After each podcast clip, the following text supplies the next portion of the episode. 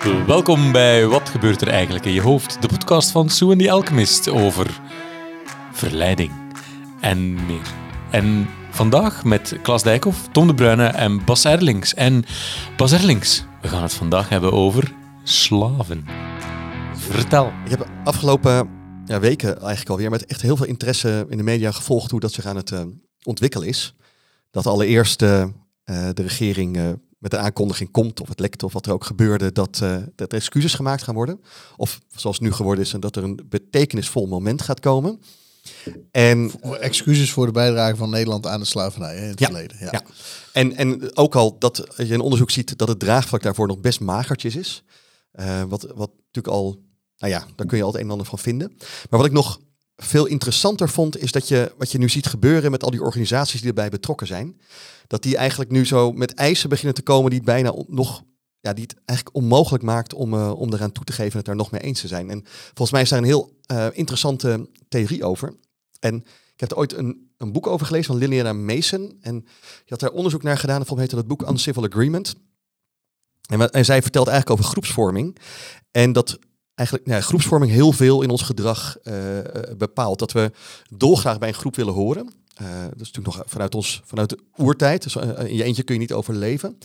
En dat er binnen zo'n groep. Zo'n groep kan eigenlijk alleen maar bestaan als er ook mensen niet bij die groep mogen horen, als er een outgroep is. Het is een beetje als wanneer je bij een bedrijf werkt en er is niet een gezamenlijk doel voor gezamenlijke vijand, dan ga je met elkaar ruzie maken. En als je in een club werkt uh, en, uh, en er is een gezamenlijk iets waarvoor je aan het vechten bent, dan kan alles. Ik zag dat op het veld uh, bij Nederland-Argentinië ook wel. Twee elftallen die echt duidelijk een groep gevormd Zeker. hadden. En het terwijl alles sommige, voor elkaar over hadden. Terwijl sommigen ook met elkaar ook wel eens een groep gevormd hadden bij een ja, club. En die ja, was net zo ja, sterk. Ja, precies. En um, wat je dan ziet gebeuren, is dat die groep die wil kost wat kost bij elkaar blijven. En heeft ook kost wat het kost een vijand nodig. Dus iemand die mensen die er niet bij mogen horen. En wat er nu dus gebeurt, is dat voor veel van die groepen was natuurlijk altijd de regering, het verleden was een soort van hoe ze zich hebben opgesteld, een soort gezamenlijke vijand. En nu lijkt het dus dat die groep alles gaat doen, dus die regering alles gaat doen wat ze eigenlijk altijd wilden.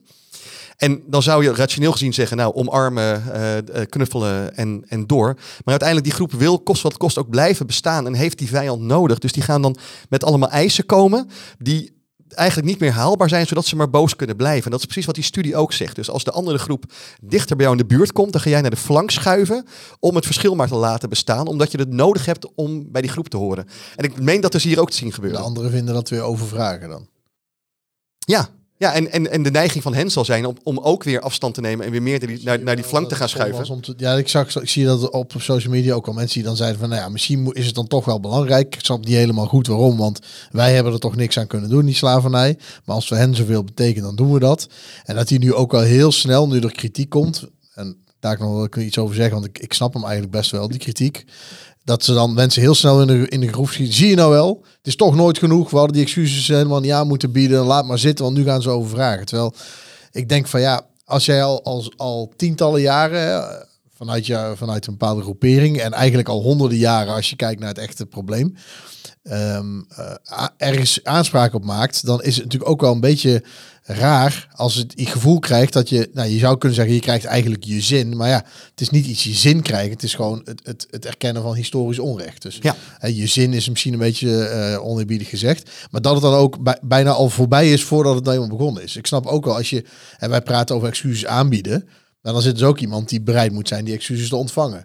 En dat je daarbij bepaalde voorwaarden stelt. Hè? Dat je niet, uh, als je zelf ruzie met iemand maakt, kun je ook niet uh, zeggen sorry. En als die ander dan nog een heel verhaal begint, kun je zeggen, ja, ik heb nou sorry gezegd, ik weet niet wat jij nou nog aan het doen bent. Uh, je zult toch rekening moeten houden met degene aan wie je excuses aanbiedt.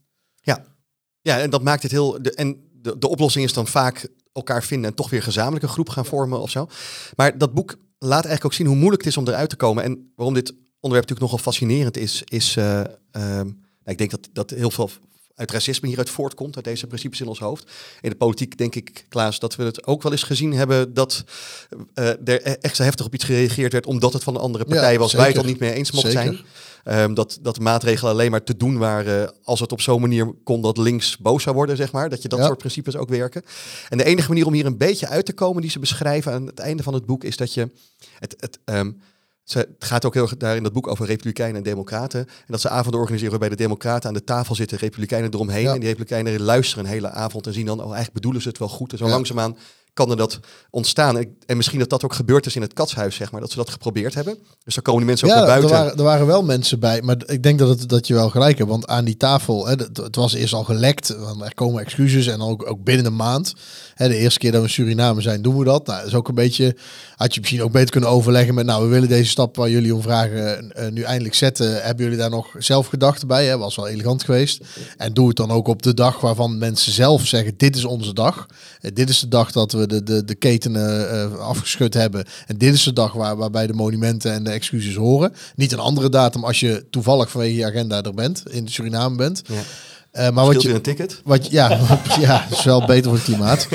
Eh, maar wat je wel zag, is dat de groepen die daarna... Nou, dat was dan allemaal rommelig en dat, nou, dat was niet echt goed gecommuniceerd. Daarna hebben ze dus die sessie op het katshuis gehad. En die mensen die daar geweest zijn, zeggen... Ik voelde me voor het eerst echt gehoord. Kwamen enthousiast naar buiten. Ja, die zeggen... Ze Ik heb het samen weer een groep. ja, ik heb het gevoel dat het niet alleen excuses zijn, omdat ze nou eenmaal niet anders meer kunnen in, de, in 2022 of 2023. Maar dat het ook gemeend is en dat mensen snappen wat er allemaal achter schuilt. Maar de groepen die niet aan tafel zaten, die zijn toen met hogere eisen gekomen en gezegd, ja, die groepen aan tafel kunnen het wel goed vinden, maar wij zijn er ook nog en wij willen nu verbod op bepaalde woorden en dat soort Ja, zaken. en dat, dat kan het zijn. Of die mensen komen daarna weer in een andere groep. Die, zeg maar, dus in een oude groep terug. En gaan weer het gedrag vertonen om binnen die groep niet uit de boot te vallen. Want dat is een ander principe dat Liliana Meesen beschrijft. We passen liever onze eigen mening aan aan de groep. dan dat we het risico lopen buiten die groep te gaan vallen. Dus dat kan ook gebeuren. Dat ze weer op een, op een thuishonk kwamen. en toen dachten: holy shit, het gaat niet goed hier. We passen ons aan en we gaan het weer onmogelijk maken. Maar zie je al die principes zie je kristalhelder terugkomen hier. En dat maakt het natuurlijk ontzettend moeilijk. Want want andere groepen proberen daar dan weer rationeel naar te kijken. Maar het is dus niet een rationeel proces. Een ontzettend oerproces wat hier plaats aan het vinden is in die hoofden. En en als je al besloten hebt dat, eh, dat, dat de regering sowieso de vijand is, en de regering zegt dan vervolgens van, oké, we gaan dit doen, dan denk je meteen van, wat is hier aan de hand? Dit kan gewoon niet, dit klopt niet. Nee. Hier zit een strategie achter. Ze zijn ons aan het naaien. Anders zouden ze niet toegeven. En dan voor Nee. je het weet word ik compleet En je- paranoïde. je ziet ook, zeg maar, feitelijke, rationele argumenten. Die, die dus gedeeld worden terwijl je dacht dat je het niet eens was. Hè. Heel veel mensen die, die on- excuses onzin vonden, zeiden ja, maar wij, zijn, wij leven nu, we hebben er niks aan gedaan. Ik weet niet eens of mijn eigen voorvaderen zijn. Hè. Er proberen nog mensen nog te kijken naar of in jouw familielijn iemand een foute slavenhandelaar was. Eh, en dan zeggen ja, de regering van nu zijn toch ook maar passanten. Maar wat, ik, wat, ik, wat me opviel is dat van de mensen die graag de excuses willen eh, hebben, dat die ook zeggen, ja, maar of nou de minister of de premier, dat zijn passanten.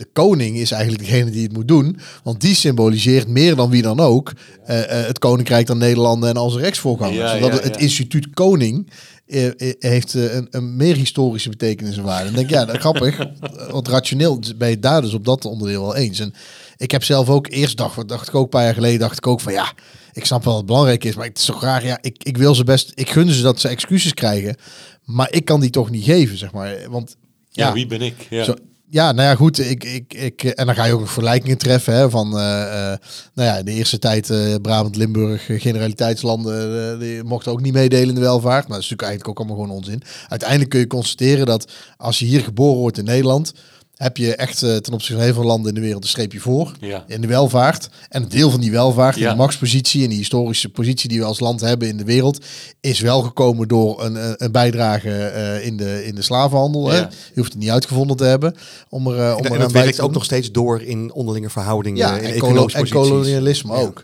Wat iets anders is dan nu te zeggen, iemand die nu hier in Nederland een witte Nederlander is, is schuldig. Of zou zich schuldig moeten voelen. Maar ja, we hebben wel, je, dat, je kunt wel constateren dat je voordelen hebt uit wangedrag uit het verleden. Dat ook een aantal generaties later nog steeds doorwerkt, denk ik ook, ja. Ja, dat denk ik ook wel. Ja, zo had ik hem nog niet bekeken. Want vanuit dat perspectief, in België hebben we natuurlijk het Koningshuis, dat zijn van Saxen-Kobers.